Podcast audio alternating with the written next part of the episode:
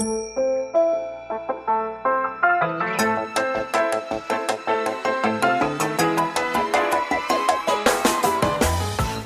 lieve luisteraars, welkom bij de Stories of Inspiration podcast van What's Your Story.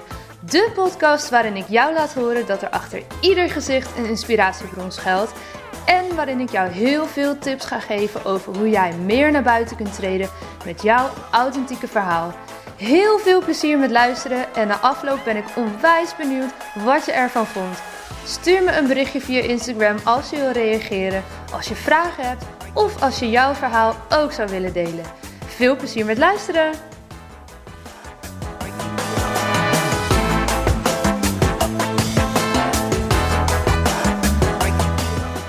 In deze podcastaflevering spreek ik met Kim Buining.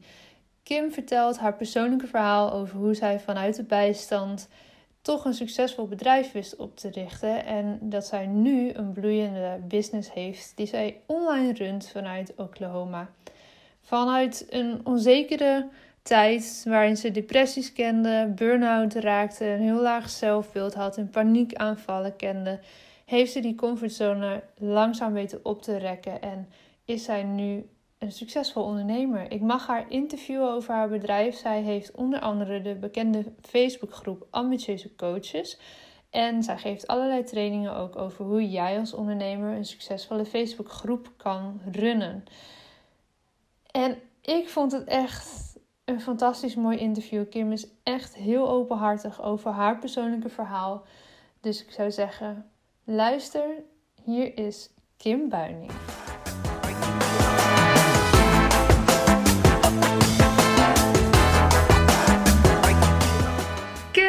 Welkom in de Stories of Inspiration podcast.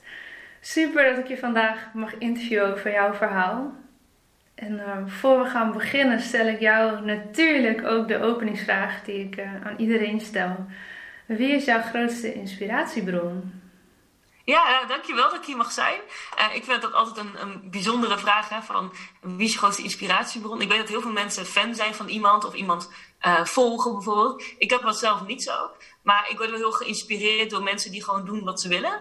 En, um, en laten zien wat mogelijk is. Dus uh, voor mij is het uh, meerdere verhalen die dan steeds voorbij komen. Dus iemand die gewoon ondanks angst voluit de comfortzone gaat, iets gaan doen.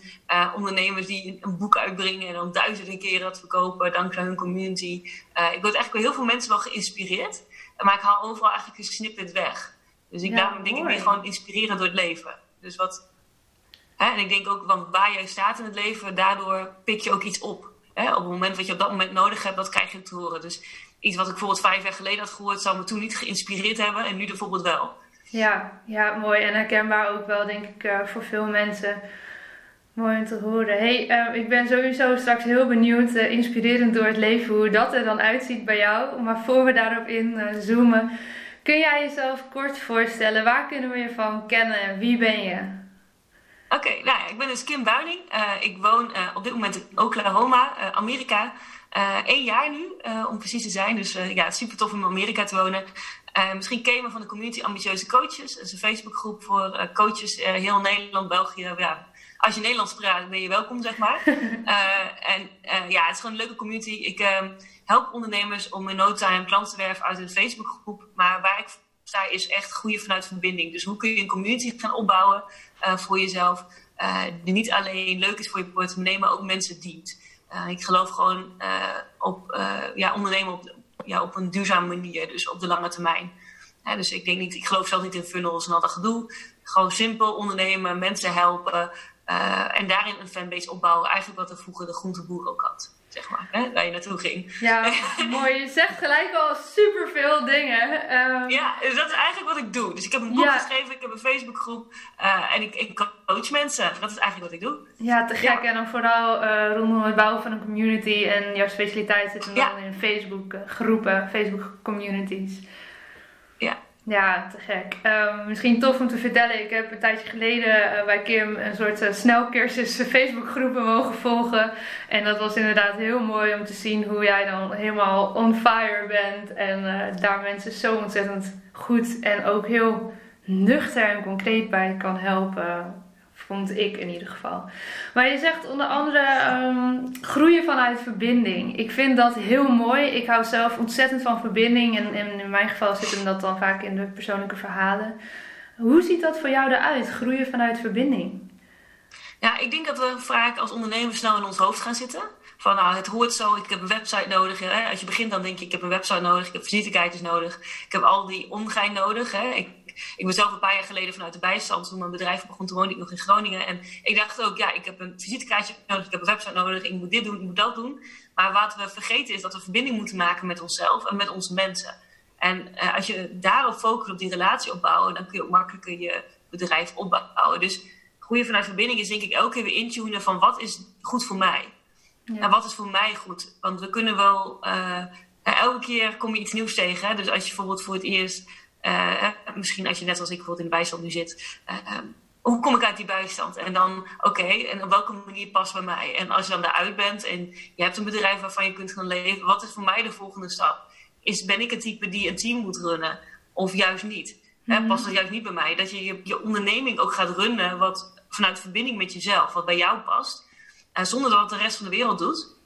En uh, ook verbinding houden met je mensen. Want als je verbinding houdt met jouw community, met je fanbase, met je doelgroep, dan gaan zij jou wel vertellen wat zij nodig hebben. Ja, en dus als je nou net begint, hè? Ja, als je nou net begint en het gevoel van ja, maar ik, ik heb nog niet echt een community en een fanbase. En je zit nog in die ja, uitkering misschien. Ja. Uh, wat zouden goede eerste stappen zijn? En misschien zelfs ja. ook wel voor ondernemers die wel al een tijdje bezig zijn, maar nog steeds het gevoel hebben van, nou, een fanbase, een community, ik voel hem nog niet helemaal. Wat zouden de goede eerste stappen zijn? Ja, ik denk dat het dus eerst ook begint met, met jezelf. Hè? Dus gaan kijken van, nou, als je even teruggaat naar de kernwaarden, waarom doe ik dit? En wat, waarom vind ik dit zo belangrijk dat ik dit doe? Dus wat zijn mijn kernwaarden? Waarom ben ik ondernemer geworden? En, en vanuit dat vuur hè, uh, weer contact maken ook met mensen. Ga eens met mensen in gesprek. Dus ik, hè, toen ik destijds begon, ik begon bijvoorbeeld met bloggen en zo is mijn bedrijf uiteindelijk ook mijn community ontstaan. Uh, neem contact met mensen op en ga, ga erover praten. Ga ze vragen stellen en ga dienen. Dus stel je voor, jij helpt mensen natuurlijk met, uh, hè, met een what's your story, hè? een story, mm -hmm. een verhaal vertellen. Nou, als jij nu bijvoorbeeld geen volgers hebt Ga met mensen in gesprek. Wat vind je lastig aan je verhaal vertellen? Wat voor verhaal heb je? Ga verhalen van mensen delen. Maar ga contact maken met je community. Als je, dat nog, niet, als je nog geen community hebt, die bouw je op door verbinding te maken met mensen. Oprechte ja. verbinding. Ja. En, en dan pas gaan verkopen. Ja, ik vind het heel mooi dat je dat zegt. Want um, ja, voor mij ging dat heel, als heel natuurlijk eigenlijk. Uh, mm -hmm. om, omdat die verhalen, ja, daar, daar word ik al helemaal in, in, opgezogen. Maar ik kan me best voorstellen dat het niet voor iedereen het zo vanzelfsprekend en zo natuurlijk is om die verbinding echt aan te gaan. Hoe, hoe heb jij dat aangepakt? Had jij dat ook een beetje van nature? Of heb je dat jezelf ook echt een beetje moeten leren van nou ga dan maar gewoon in gesprek met iemand en stel maar een vraag? Ja, ja, ik moet zeggen, ik praat al sinds ik klein ben met alles wat los en vast zit. Dus dat is voor mij geen probleem. ik denk dat je mijn ouders vraagt. Als ik een boek lees, dan zeg ik ook letterlijk... Oh, moeder vroeg hem, alsjeblieft, ben nou eens stil. Nou ja, ik zei, nu, nu is het mijn werk, nu mag ik gewoon. Ja. dus dat nu word je ervoor betaald. ja, ja, dus ergens waar je wat van nature gaat... moet je eigenlijk gewoon lekker verwerken ook in je beroep. Hè? Dus als je bijvoorbeeld uh, iemand bent die gaat praten zoals ik... Nou, uh, dan is dit een heel mooie, hè, een mooi webinars geven perfect. En zo. Ja. Dan mag je lekker los, lekker de hele tijd. Maar ik was wel heel verlegen. En ik heb echt heel lang gehad dat ik heel onzeker was. Ik heb soms depressies gehad in mijn jeugd. En ook in mijn um, burn-out natuurlijk ook gehad. Hè, voor, van de waarheid dus ook al mijn bedrijf mee gestart. Dus ik was heel onzeker. Mijn zelfbeeld was heel laag. Uh, en ik durfde ook mensen niet aan te kijken. Dus uh, ja, hoe heb ik dat gedaan? Dus echt door steeds meer die comfortzone op te rekken. En de eerste keer dat ik een webinar gaf, werd ik door Marloes Halmans, een uh, business coach, werd ik gevraagd of ik een training kon geven aan haar volgers. Joh, meer dan 500 man zat daar te wachten. Ik, echt, ik scheet mijn broek. Ik had echt mijn rug zijn nat. Ik had echt van het zweet, weet je. Ik had echt gewoon, ik de wc gewoon van de stress, weet je. Misschien herken je dat wel. Ik echt dacht, nou jongen, ik ben gewoon, dit komt niet goed. Ik ga flauw vallen of zo, weet je uh, misschien ken je dat wel. Nou ja, en echt gewoon gaan. En gewoon gaan en het doen. En ontdekken, hé, hey, ik overleef het. Hé, hey, dit is eigenlijk wel leuk. Ja. Um, ik zie het bij heel veel klanten van mij ook, hè. We gaan, we zijn een Facebookgroep, gaan ze live, zijn doodsbang. En daarna zeggen ze, oh, het was eigenlijk wel leuk. Ja, maar het is intunen op die andere mensen. Het gaat niet om jou. En als je dat beseft, dat het niet om jou gaat op dat moment, maar dat, het, dat, je, um, dat het gaat om hun, dan haal je ook de druk eraf. Dus als ik bijvoorbeeld live ga en ik zou dat, ik heb, vind het nou vind ik het gezellig, vind ik het leuk. Maar als ik het nou nog eng zou vinden, dan ik denk dan gewoon letterlijk na, oké, uh, goh, uh, Lotte kijkt straks. Oké, wat, uh, wat moet Lotte nu horen? En dan ben ik gewoon ingetuned op Lotte. Ja, mooi. En dan ben ik tegen Lotte aan het praten. Dus dan is het helemaal niet meer zo'n ding. Nee, mooi, mooi. Mooie manier om dus, die drempel een beetje lager te leggen. Om in, ja, iemand in gedachten te nemen en tegen die persoon aan het praten te zijn, denkbeeldig. En misschien is dat wel echt als diegene meeluistert. Ja. ja, dat ook. En, en ook denken, fuck it, weet je, ik ben klaar met die onzekerheid. Want je weet zelf ook, oké, die als je nu heel verslegen bent of, of heel onzeker bent, ik was gewoon heel bang om te falen en dat soort dingen dat iedereen heeft, ehm, dan weet je ook, oké, dat is mijn upper limit nu. Hier moet ik dus doorheen om verder te kunnen komen met mijn bedrijf. Ja. En je upper limit die je privé hebt, dus misschien bepaalde angst voor bepaalde dingen, blokkeert je ook in je bedrijf uiteindelijk. Dus die dingen moet je aangaan. Het is mooi dat je dat zegt, want voor mij was dat uh, heel erg op een gegeven moment, ik denk nu, nou, een dik jaar geleden, dat ik besefte, ja, maar ehm, de angst die ik heb voor alles, voor alles wat je op hebt gebouwd hè, in het verleden door ervaringen, ehm, die maakt dat ik nu nog niet voluit ga. Ja. De, de, angst om, het, om, nou ja, in mijn geval weer iets kwijt te raken, wat in mijn verleden dan mijn, mijn topsport uh, is geweest, wat uiteindelijk niet is gelukt zoals ik dat voor me zag. En toen ik eenmaal wist van, hé, hey, dat is de kern waar, waar, ik, waar ik bang voor ben, uh, dan heb je ook ineens iets waarvan je, nou ja, weet dat je daar stappen mee kan gaan zetten. En mm. voor mij hielp het heel erg om die angst Um, of eigenlijk moet het anders zeggen, om de missie die ik had groter te maken dan mijn angst. Ja. Om echt wat je zei naar die kernwaarden te gaan. En te voelen van ja, maar waarom wilde ik dit ook alweer? Waarom is dit zo ontzettend belangrijk voor me? En door dat helemaal te gaan voelen, werd dat belangrijker dan alle angsten die ik ook maar met mijn verstand kon gaan bedenken. En vanaf dat punt, ja, dan wordt het ook veel makkelijker, in mijn geval, ja, dat zal voor iedereen anders zijn, werd het veel makkelijker om dus voluit te gaan. Want elke keer als ik iets eng vond of spannend vond, dan dacht ik, ja, maar wacht even weet je nog waar je het voor deed en voor wie je het deed? Ja. En dan ineens dacht ik, ja, oké, maar dat is zo belangrijk dat mijn angst eigenlijk minder belangrijk wordt. Mooi is dat, hè? Ja, en ze zeggen ook niet, hè, mensen worden gemotiveerd door twee dingen. Hè? Of het is uh, een groot verlangen, hè? dus dat je iets doet omdat je het zo erg verlangt. En dat je zo graag uit die uitkering wil, zo graag die mensen wil helpen. Of dat je gemotiveerd wordt omdat je er klaar mee bent. Ja, door pijn.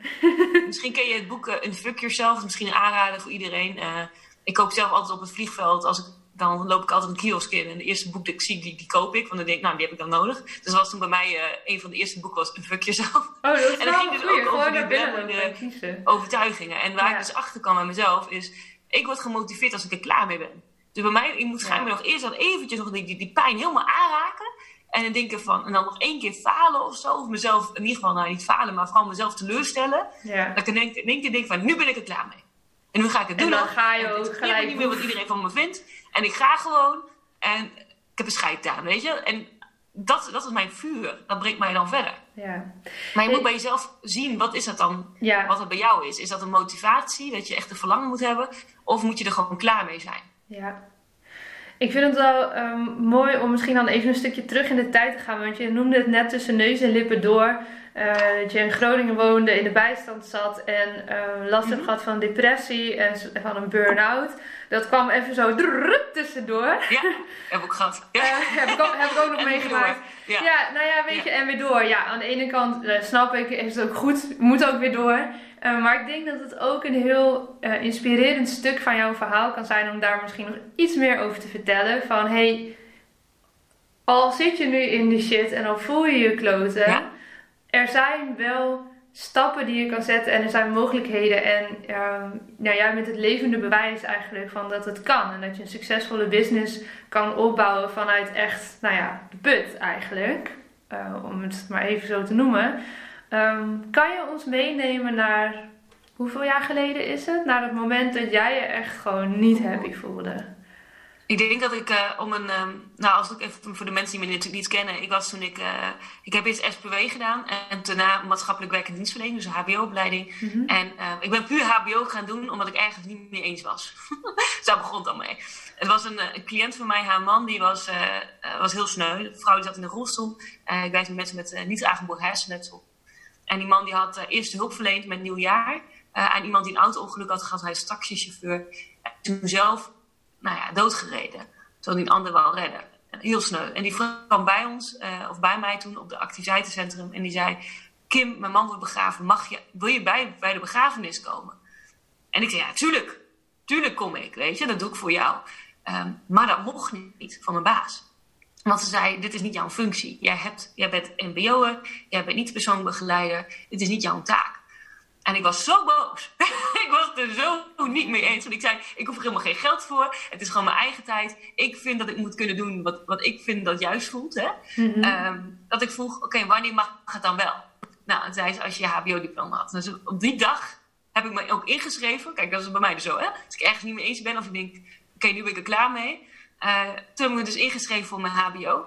En ik heb toen in drie jaar mijn hbo ook gehaald. Mijn mbo in drie jaar gehaald, mijn hbo in drie jaar gedaan. En uh, ondanks dat ik de studie eigenlijk niet leuk heb ik maar doorgedouwd. Want ik wou niet falen. Ik wou niet de loser. Hè? En dat heeft natuurlijk van je bent geen loser. Maar ik wou niet degene zijn die opgaf tijdens de studie. Ja. Ik wou niet degene zijn die moest zeggen van ja, ik ben gestopt of zo. Dat, dat kon mijn ego niet aan, weet je. Um, fast forward was toen 2011, dus toen begon de crisis. Heel veel mensen uh, kregen geen baan. Nou, dat was natuurlijk net de tijd dat ik afgestudeerd was.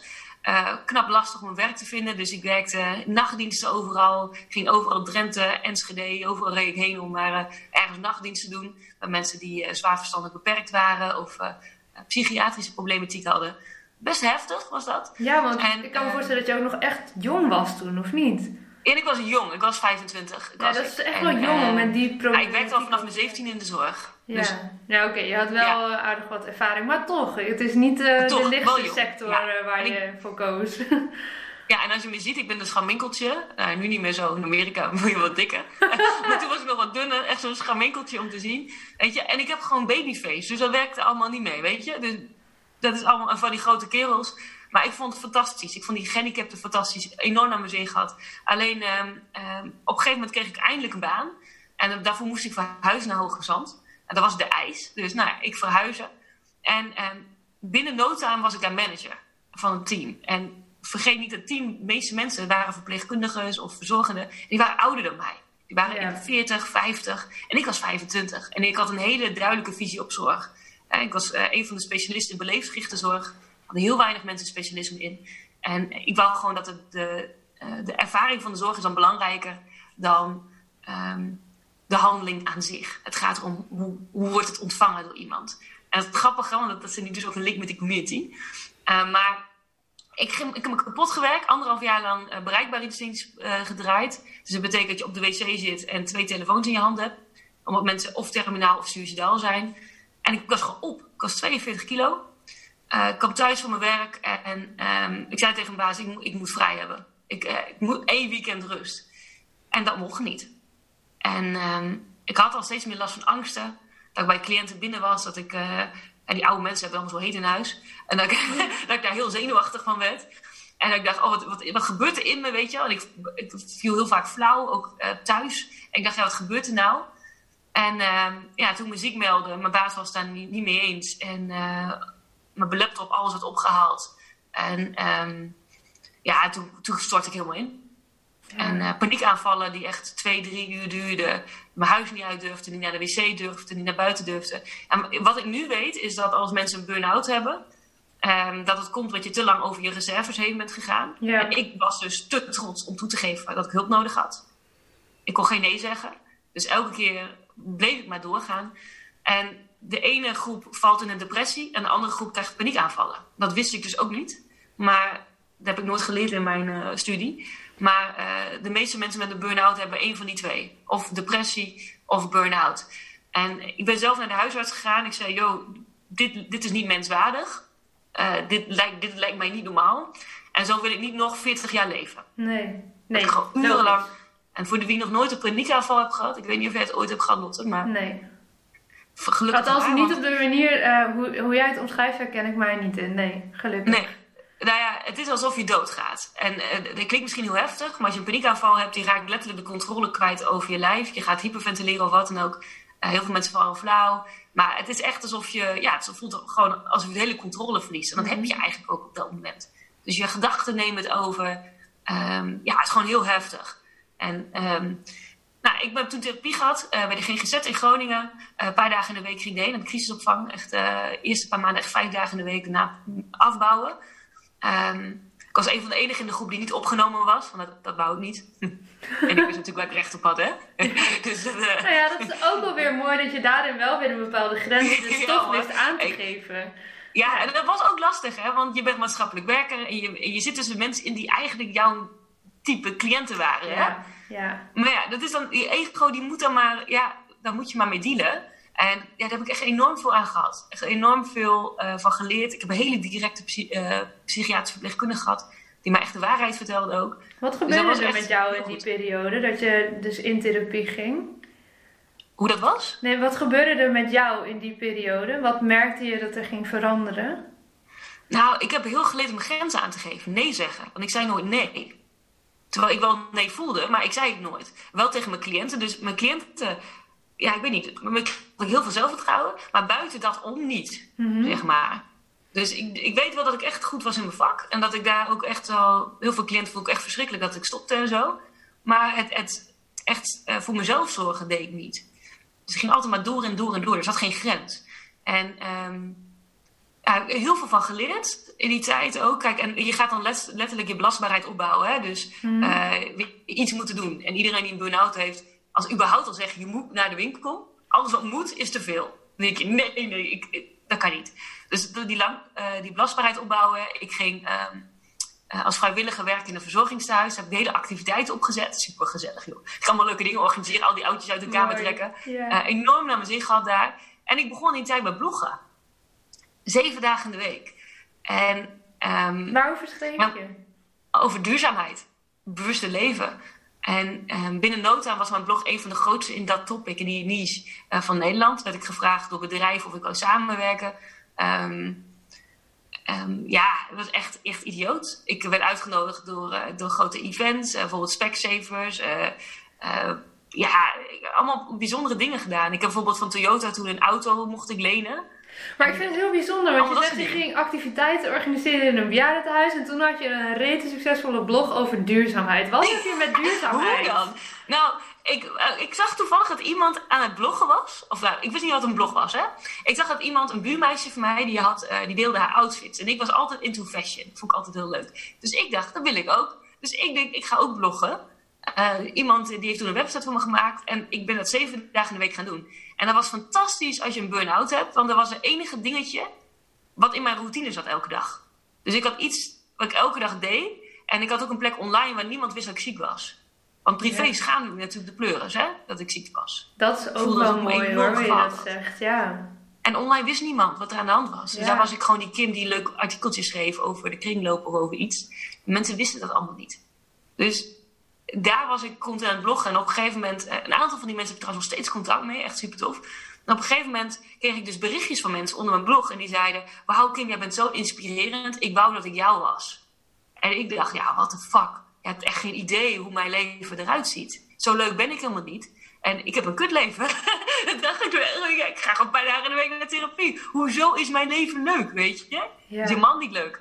Ehm, dus ik dacht op een gegeven moment, ja, het voelt alsof ik een dubbel leven heb. Ehm, ik moet maar eens gaan vertellen hoe het echt zit. En ik was toen al actief in wat Facebookgroepen. Had ik al wat mensen ontmoet.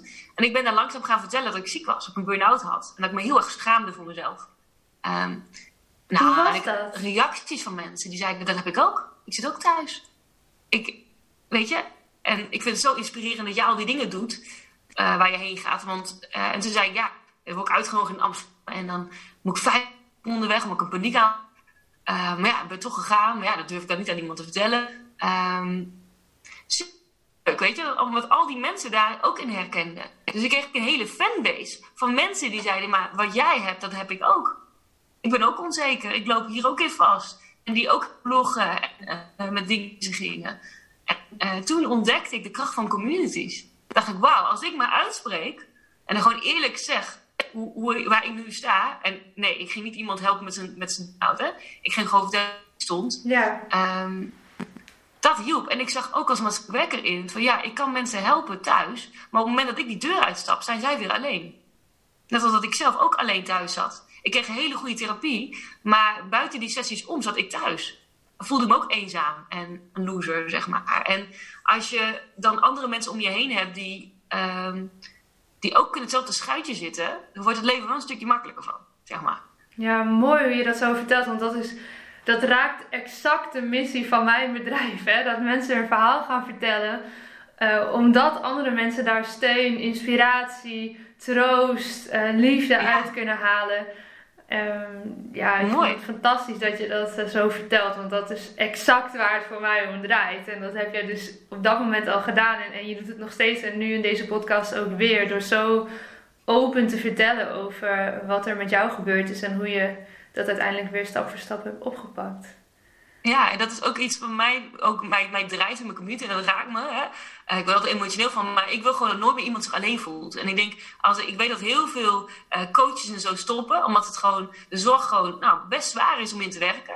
En de meeste mensen of ze, uh, verbitteren wat van binnen, of, ze, ja, of hun, hun hart wordt iets meer gesloten, weet je, omdat het gewoon heel moeilijk is om het anders vol te houden zo lang. Of mensen stoppen door een burn-out en starten voor zichzelf. En ik denk, er zijn zoveel coaches en mensen die zo goed andere mensen kunnen inspireren. Dus mijn doel is, hoe meer communities er komen, hoe groter die olievlek wordt. Waardoor nooit meer iemand alleen is. Ja. Dat is mijn uiteindelijke doel. Ja, precies. Dus, ja, het, is, het, is, heel mooi, want eigenlijk raken onze missies elkaar best wel. Alleen is de uitvoering die we, die we daarvoor anders, bedacht hebben, is anders.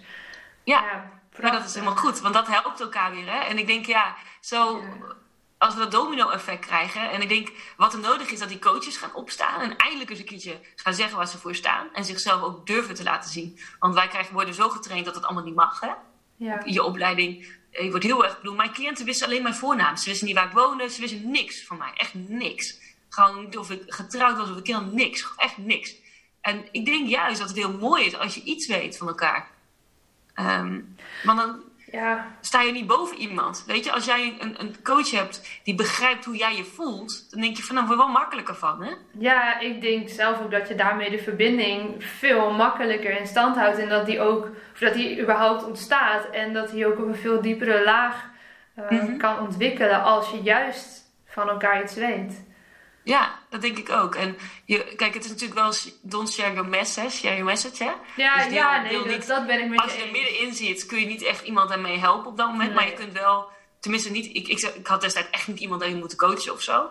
Maar ik kan wel mijn verhaal delen, waardoor een ander zich niet alleen voelt. Ja. En, um, ja, en als ik daarom zei ik ook net van, ja, weet je, uh, fast forward, uh, dat hebben we gehad, weet je. Het, het is voor mij al, het is nu een paar jaar dat ik uit de bijstand ben, bijna drie jaar denk ik, drie, vier jaar. En als ik nu kijk hoe mijn leven er nu uitziet, dat ik gewoon alleen naar Amerika vlieg. En dan zit ik gewoon elf uur in zo'n vliegtuig. Hè? Uh, geen paniekaanvallen meer heb. Geen, ja, je komt nooit 100% van af. Het is net zoals uh, een eetstoornis uh, of een depressie, weet je. Je hebt altijd, altijd de kant op terugval hè, met zoiets. Mhm. Ik voel het nu aankomen. Ik heb geleerd om, mijn, als ik stress krijg, om mijn lichaam te herkennen. Dan denk ik, oh, wacht even. Ja. Ik, doe, ik ga weer over mijn grens heen. Wacht even. Oh. En dat voelde ik eerst helemaal niet meer. Ja, te gek. Ik zou echt nog wel honderd dingen erover kunnen vragen. Ehm, maar goed, we, gaan er ook geen podcast dan de hele dag van maken. we kunnen een training doen uh, over. Oh Kom, man, uh... man. Ja, maar echt. Ik vind het in ieder geval dankjewel dat je dit stukje zo open deelt. Want ook al is het voor jou misschien uh, en door. Ik denk dat er heel veel mensen luisteren Ehm, die juist misschien daar nog in zitten of daar net aan voorbij zijn, die, voor wie het fijn is om te zien van hé, hey, maar dit is een mogelijk perspectief. En uh, om dan wel die fast forward te maken naar nu. Uh, ja, ik ben nog wel even benieuwd. Hoe ben je in hemelsnaam in Oklahoma beland? ja, Oklahoma of all places. Ja, nou, mijn man is Amerikaan en we hebben elkaar een paar jaar geleden ontmoet uh, in Berlijn. onze vriendin, is een vriendin die kende hem van het reizen. Ja. En ik wist niet dat hij er was, hij wist niet dat ik er was. Dus we zijn een soort van gekoppeld met, met oud en nieuw toen. Um, en hij woonde in Engeland, mijn man is militair. En woonde in Engeland, was, woonde hij toen al vijf jaar. En ik woonde in Groningen. en ik had eindelijk mijn plekje in Groningen. Dus ik was helemaal happy. Iedereen die in Groningen woont, woont, weet hoe moeilijk het is om een sociale huurwoning te krijgen als je geen cent te makken hebt, dan zijn je lang op zo'n lijst. Ja, dat is wel leuk, want veel, er zitten denk ik veel luisteraars in, in Groningen, omdat ik daar zelf ook woon. Dus dat is mooi, mooi beeldend. Ja, ik had een huisje in de, de hoogte en, uh, en ik was er super blij. Ik moet zeggen, ik was echt blij mee. Ondanks dat je natuurlijk wel de buren dan hoort, hè, die oude huisjes. Fantastisch, uh, ja, ik vond Groningen, ik vond stad gewoon leuk. Ik mis het nog steeds hoor, af en toe. Maar uh, ja, ik heb heel lang gedacht, toen we aan het daten waren, van ja, weet allemaal wel. Want ik, ben, kom, ik begin net uit die burn-out te krabbelen bedrijf aan het opzetten, wil ik alles opgeven voor zo'n man, weet je wel? Ja. En, en hij zei van ja, maar ik zou zo graag willen dat je bij mij woont. En ik zei ja, ik weet het nog niet. Wacht maar. Dus we zijn twee jaar op en neer gereisd. Uh, totdat ik terugkwam van een vakantie met hem. En uh, ik wakker werd en ik dacht, ja, ik moet bij jou zijn. Mooi. En ik heb hem opgebeld, huilend ook. Can I live with you? En hij zei, oh, finally you're ready. Finally you're ready. I knew you would come one day. Ja, dus, uh, wel mooi dat hij daar zo lang zo geduldig op heeft gewacht. Tot ja, ik denk dat hij het wel wist. Ja. ja, mijn man is ook een van de enigen die eigenlijk vanaf dag één heeft gezegd. Toen hij mij leerde kennen, nou, ik weet nog dat hij bij mij in huis in Groningen kwam. En mijn man is Chinees-Amerikaans, dus we hebben ook een beetje cultuurverschil. En hij dacht ten eerste dat ik super arm was, omdat ik geen rijstkoker had. en ik dacht, wie heeft nou een rijstkoker? Hoe de fuck heeft dat? Ja, ja. iedereen die Aziatisch is schijnbaar. Ik zei, joh, wij roken gewoon in de pan in Nederland, weet je En hij zag mijn kleine 2 bij 2 keukentje. En ik had zo'n douche waar je dan over de wasmachine moest klimmen, zeg maar, om te kunnen douchen. Zo'n klein krap ding achter de keuken. Uh, ja, hij dacht echt van, nou, dat meisje heeft echt niks, joh, weet je. Dit is een derde wereldland of zo. Um, maar hij, hij geloofde wel in mijn bedrijf. Ondanks dat ik toen nog in de bijstand mijn bedrijf runde, zei hij wel, you're gonna make it. Weet je? En hij zei, ik vind het fantastisch. Je gaat voor je droom, weet je wel? En of het nou lukt of niet. Hij zei, dit is gewoon fantastisch wat je doet.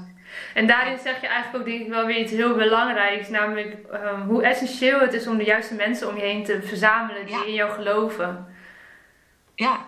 Ja, en hij vond mij al fantastisch toen. Hè? Terwijl ik gewoon niet van mijn bedrijf kon leven. Dat was toen al fantastisch. Nee, maar dat is denk ik juist zo belangrijk. Dat, dat het dus niet afhangt van je succes. Maar dat iemand jou al in jouw geloof gewoon puur om wie je bent. Ja. Ongeacht wat je doet of niet doet. Ja, ja hij zag het mij al, al grotere zag al. Terwijl heel veel mensen in mijn omgeving zeiden, nou, ik weet het niet. Uh, doe maar even normaal, want ik had dat groot idee. En die zei, nou, doe eens even rustig, weet je. Ja. ik kan wel even door, doe maar rustig. Uh, ja, mijn oude werk ook altijd. Ik was altijd degene die nieuwe dingen ontdekte. Die de uh, onderhandelingen deed met ziekenhuizen. Die de deals binnenhaalde. Ik was altijd degene die altijd geloofde dat dingen mogelijk waren. En ehm, ja, toen, ik, toen we in Engeland gingen wonen, ik zou eigenlijk pas na een half jaar bij hem komen. Uh, in Engeland ben ik een paar maanden geweest bij hem.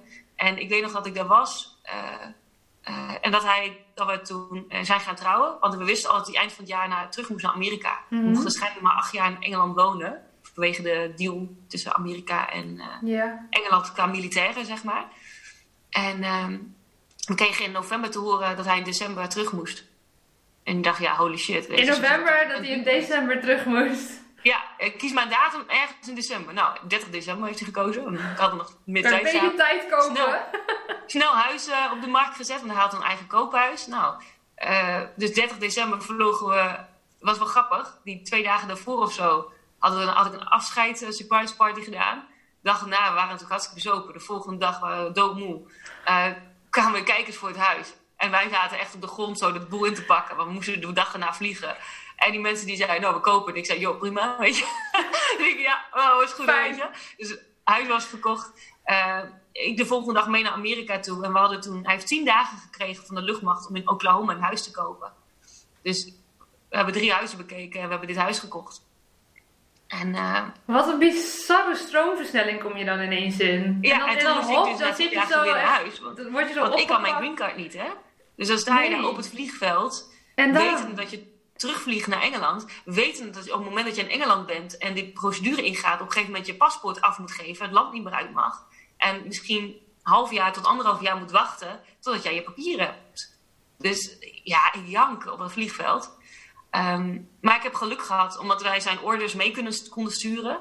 Ja. Um, heb ik binnen vier maanden mijn green card gekregen. Dus dat, dat wist ik niet van tevoren dat het zo snel zou zijn. Maar uh, ja, dat was, wel, dat was echt een hele moeilijke tijd. Het huis leeghalen, uh, de boel moeten verkopen. Dat was vorig jaar. Uh, Dus dat was echt wel, echt wel pittig. Ehm, ik heb gelukkig de, de militaire community daar heeft mij heel erg opgevangen. Toen mijn man weg was, schijnbaar gaat dat daar zo. Hè? Je bent vrouw van. Ja, dus dan hoor je erbij. Ja, en je moet dan eigenlijk ook wel trouwen, want het is moeilijk om anders een green card te krijgen voor Amerika überhaupt. Maar ook voor de Amerikaanse overheid, als je niet getrouwd bent, ben je echt niemand. Dan, ze doen niet aan vriendinnetjes, zeg maar. Nee. Het is... Ehm, alles of niks. Nee, ja, het is alles of niks, maar ook qua, qua zorgverzekering. Hè. Ik ben nu gewoon door hun verhuisd. Dus ze hebben mijn spullen verscheept ook. Hè. Dus er komt een verhuisbedrijf, pak je spullen in. Dat is wel, weer netjes. Dat is wel heel fijn. In verhouding tot je maar een paar dagen krijgt, dan is het wel netjes dat ze dan nog wel helpen de spullen te brengen. Ja, ja, ja. En het, ze hebben... Uh, ja, dat, voordat die container is, duurt het twee maanden of zo. Ja, dat zou wel. Maar uh, ja, nee, en de zorgverzekering en zo. Dus ik op dat gebied, als ik nu kijk vergeleken met Amerikanen in Amerika, heb ik het heel goed. Ja. Um, maar het leven is totaal anders hier, als in Nederland. Wat is het grootste verschil dan? Ja, mentaliteit hè. Wat ik, voor mij is Amerika heel goed geweest om hier te zijn. Ik had het drie jaar geleden niet gekund mentaal. Ik weet nog dat wij aan het daten waren en ik zei: Ik ga echt niet met je naar Amerika, ik heb er niks te zoeken. Uh, ik wil gewoon Groningen blijven doen normaal. En, en nu denk ik: Ja, Amerika kwam op het goede moment, want mensen denken hier veel groter. Er is, waar ik in Nederland, dat besef ik me nu pas, dat we heel erg mensen aan het kijken zijn op terrasjes, hoe iemand erbij loopt. Hoe die, uh, is hij helemaal niet. Loop maar in je pyjama, mensen hebben daar gewoon geen boodschap aan je doet gewoon wat voor jou goed voelt. En dat voelde voor mij echt, had ik echt precies net nodig. Dat laatste stukje eraf. En ehm, hoe groot het maakt niet uit. Ik heb bijvoorbeeld vorig jaar in het laatste half jaar meer dan een ton gedraaid. En ehm, mijn Nederlandse boekhouder, hè, we moeten natuurlijk in Nederland ook nog wat, wat, regelen. Die zei: Fantastisch, goed gedaan, weet je wel. In Nederland heb je dan best wel goed gedaan. Ja. En in Amerika zei mijn accountant: Ah, mooi begin.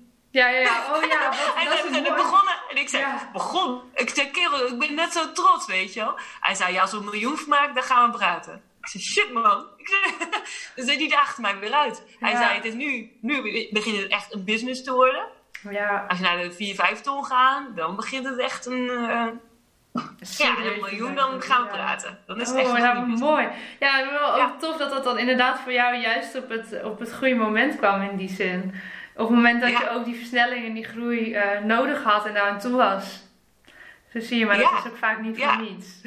ik denk ook alles gebeurt met een reden. En ik denk uh, dat ik hier ben. Kijk, ik betaal natuurlijk veel minder belasting hier, wat ook wel heel fijn is. Uh, maakt niet uit hoeveel geld je ook op je bank hebt, daar heb je ook geen gedoe over. Dus qua belasting is Amerika veel beter. Maar ook, het is natuurlijk een ondernemersland. En Nederland is een sociaal land. Dus Nederland is fantastisch als je in de bijstand zit, je bedrijf wil starten of alleenstaande moeder bent. Maar als jij ondernemer bent en je begint echt goed te verdienen, is Nederland niet zo heel fijn altijd. Nee, nee want dan moet je ook net zo hard weer uh, afdragen. Ja, en dan is Amerika op dat gebied. Ja, ik vind het heel fijn. Uh, hier is uh, niemand, niemand staat versteld van je ideeën. Dus stel je voor dat jij hier komt en je zegt: Jongens, ik wil uh, Tony Robbins in mijn podcast. Zeggen mensen: Nou, go for it. Ja, ja, dat is mooi in Nederland zeggen ze nou, doe eens normaal, weet je. Ik heb ja, dus gaat nooit gebeuren. Dat, ja, ja, doe maar gewoon. Hey, ja, doe maar gewoon. En uh, als je bijvoorbeeld hier zegt, ik wil een Porsche kopen of zo. Ja. Zeggen mensen toch, man. Ja, in Nederland. Uh, ja. Ik heb een vriendin van mij die een heel goed, goed lopend bedrijf heeft, ook in Noord-Nederland. Nou, als die een mooie auto koopt, wordt daar wel wat, over gevonden, wat van gevonden. Ja. Hey, ja, ik nog, oh ja, sorry. Nog heel even met je de koppeling maken naar hoe dat dan allemaal zo gekomen is. Want je noemde net al even, je hebt de community ambitieuze coaches. Ja. Um, daar is een groot deel van jouw succes vandaan gekomen, denk ik. Ja, ik krijg de meeste klanten vanuit mijn uh, Facebookgroep. Um, ja, ik denk dat ik daar wel heel veel klanten door krijg. Ik denk dat mijn, uh, mijn kracht is, ik heb heel veel mensen die me al vier, vijf jaar volgen. Ook mijn oude blog destijds gevolgd hebben. Die zeggen, wauw, jij staat nu gewoon hier. En ik weet nog wat je toen, hè. Uh, en hoe onzeker je was. Hè? Dat ik bijvoorbeeld ook outfitfoto's of foto's van mezelf maakte. Nou jongen, rende ik een straat op keek eens of niemand was, weet je Dan een foto en dan weer snel naar binnen. Nu ga ik gewoon midden op straat staan. Ja. Ik vind het wel leuk zelfs als mensen kijken, weet je. Dus het is heel grappig hoe dat verandert in je. En uh, ja, ik denk, ik krijg de meeste klanten vanuit mijn community. Dus wat ik voor iedereen die luistert en denkt, hoe werkt dat dan? Nou, ik zie het zo, hè. Als je op social media iets post, is het eenrichtingsverkeer. Dus jij post iets, iemand ziet je op Instagram en denkt, jij bent leuk. In je Facebookgroep komen mensen samen. En leren ze jou beter kennen. En, en bouw je die relatie op. En kun je op een gegeven moment ontdekken wat zij willen. En dat, die woorden gebruiken en dat verkopen. En um, ja, Facebookgroep heeft gewoon veel groter bereik dan je pagina of je Instagram. Ja. Dus dat, ja, je hoeft niet te adverteren en zo. En los van dat je uh, jouw klanten daar ook uit haalt en hele mooie relaties uh, opbouwt daar, wat betekent die groep voor jou? Om, zoveel mensen. Ja, ik sta er soms niet bij stil. Misschien is dat omdat uh, misschien wat nuchter in ben. Ik sta er soms niet bij stil dat er al meer dan duizend man in zo'n groep zit, weet je misschien ook maar goed ook. Uh, dan ik misschien ook nog zenuwachtig. Maar het, ik, ja, ik vind het gewoon heel tof. Ik vind het gewoon heel tof. Ik vind het tof om te zien hoe mensen elkaar helpen, elkaar inspireren. Als ik zie bijvoorbeeld de Community Wow is mijn programma. Hoeveel mensen met elkaar bevriend zijn. Dat mensen, als ik een, elk, dag, elk jaar organiseer ik een live dag. Waar we elkaar zien tijdens een wijn, bitterballen. dat vind ik zelf leuk. Ja. Dan zien we elkaar. Dat mensen dan zeggen, oh laten we afspreken samen een hotel of zo. Ja, dat vind ik gewoon mooi. tof. Dan denk ik, ja leuk. Tof Ja. dat je elkaar helpt, dat de community elkaar, elkaar inspireert. Uh, ja, dat vind ik gewoon leuk om te zien. Ja, tof. Je begint ook helemaal te stralen als je dat zo vertelt. Ja, ja ik, maar dat is denk ik ook waar het om draait. Weet je wel? Iedereen heeft iemand nodig. En um, kijk, ik kan niet uh, voor iedereen die persoon zijn natuurlijk. En ik zie mezelf als een soort van gids die op je weg komt. Ja. En uh, daar, daarna moeten doen ze weer lekker zelf. Wat is um, jouw grote American Dream die je nog hebt? Nou, heb je er een? Ik moet zeggen dat eigenlijk alles wat ik toen wou al behaald heb. Eigenlijk toen ik in een uit, uitkering zat, hè, ik wou van UWV af, dat was het eerste doel. Ja. En daarna wou ik van mijn bedrijf kunnen leven. Toen dacht ik, oh, ton, als ik ooit een ton omzet, leek me niet mogelijk. Maar was eigenlijk ook mogelijk. Um, ik leek me tof om in het buitenland te wonen, locatie onafhankelijk. Ik wist niet dat Amerika zou zijn. Ik wou mijn eigen boek schrijven, nou dat is ook gelukt. Um, ja, dus ik, wat mij heel nog tof lijkt is bijvoorbeeld om iets um, in IJsland te hebben. Uh, een eigen huis in IJsland en ik wil eigenlijk een eigen huis in Groningen. En het hoeft geen groot huis te zijn. Het kan gewoon weer zijn wat ik in de hoogte had, zo'n klein Ja. appartementje. Uh, het hoeft helemaal niet, niet zo'n dikke keten te zijn, zeg maar. maar gewoon een, een plekje waar ik, dat ik weer terug kan naar Groningen. Lijkt me gewoon tof, als ik daar zin in heb. En het lijkt me gewoon heel tof om vaker op IJsland ook te zijn. Ben je er al eens geweest? Drie keer, al drie jaar op rij. En het is Ja. zo fascinerend mooi. Of wat, wat vind je daar? Wauw, ja. Ja, ik, de eerste keer dat ik er was, eh, ik weet niet waarom. Ik kwam daar aan en ik stapte uit het vliegtuig. En ik zei, wauw, het is alsof ik thuis kom. Die Ja. energie daar is heel sterk. En ik zei toen tegen mijn man, eh tweede jaar zijn we toen weer geweest. Toen zei ik, volgend jaar heb ik het geld en dan betaal ik het. En IJsland is een van de duurste landen ter wereld. Ja. En Zo'n trip voor een week is zo'n 5 tot 7000 euro hè, voor eh, kamperen in zo'n busje. Ehm, en afgelopen september heb ik klanten meegenomen, vier klanten. Ik heb Oh, gezegd, joh, wie komt? Ik betaal de reis, ik betaal het huisje, eten, alles. Eens wat jij moet een vliegticket fixen. Nou ja, wat een duur grapje trouwens. Ik weet niet of ik dat zo... ja, ik wou zeggen, dat is een aardige investering. Ja, maar ik wel, weet niet, maar wel heel het voelde goed. Dus Ja. ik dacht, laten we het gaan doen. En dan heel leuk, gewoon zo'n houten hutje. Niks luxe of zo, hè? gewoon een houten hutje. Wel een jacuzzi bij, maar het is gewoon echt zo'n houten primitief dingetje. Maar IJsland is gewoon heel erg, ja, hele mooie natuur. Weet je, en het is heel puur, heel veilig. En eh, ja, het is een hele mooie manier om echt plek om verbinding met jezelf weer te vinden. Nou, misschien maar mooie tripjes naartoe eh, gaan organiseren. En dat mensen wel zelf eh, een goede bijdrage doen. Ja, een mooie ja. combinatie, denk ik. Ja, ja, ik heb nu afgelopen januari klanten naar Oklahoma laten komen. En dat vonden mensen ook al heel tof. ja gaaf. Eh, toen gewoon zo'n Airbnb, zo'n groot, zo'n herenhuis ge- ge- gehuurd, weet je wel. Ja, Eh, nou, superleuk. En ik dacht eerst, shit, ik heb één persoon moet ik slaapkamer delen. Komt dat wel goed? En uiteindelijk zijn drie mensen op één kamer gaan slapen, omdat ze het gezellig vonden. Die maken er zich geen reet uit, hè. Mensen vonden het hartstikke leuk, samen koken, samen weet ik veel wat ze allemaal deden daar. Mensen vermaken zich prima met z'n allen. En eh, ja, dat vind ik heel leuk. Dus meer dat soort dingen doen. En ehm één ding wat ik nog bezig ben, wat me stiekem ook leuk lijkt, is... Ik ben mijn boek aan het vertalen naar Engels. Dus hij komt op Amazon. En ik zou het toch wel tof vinden om een bestseller te hebben op Amazon. Maar ja, ik heb nog geen community hier. Dus daar wordt nog moet wel echt aan de bak daarvoor. ja. Is dat iets wat je wil? Ook een community daar opbouwen? Dat weet ik nog niet. Eh, er zit nog een beetje over in twijfel. Maar het lijkt me wel tof om in Engels een bestseller te hebben in Amerika. Ja. En ehm, ja, mijn man heeft gewoon vorig jaar toen we het huis verkochten. Ons huis was gewoon in slechte staat.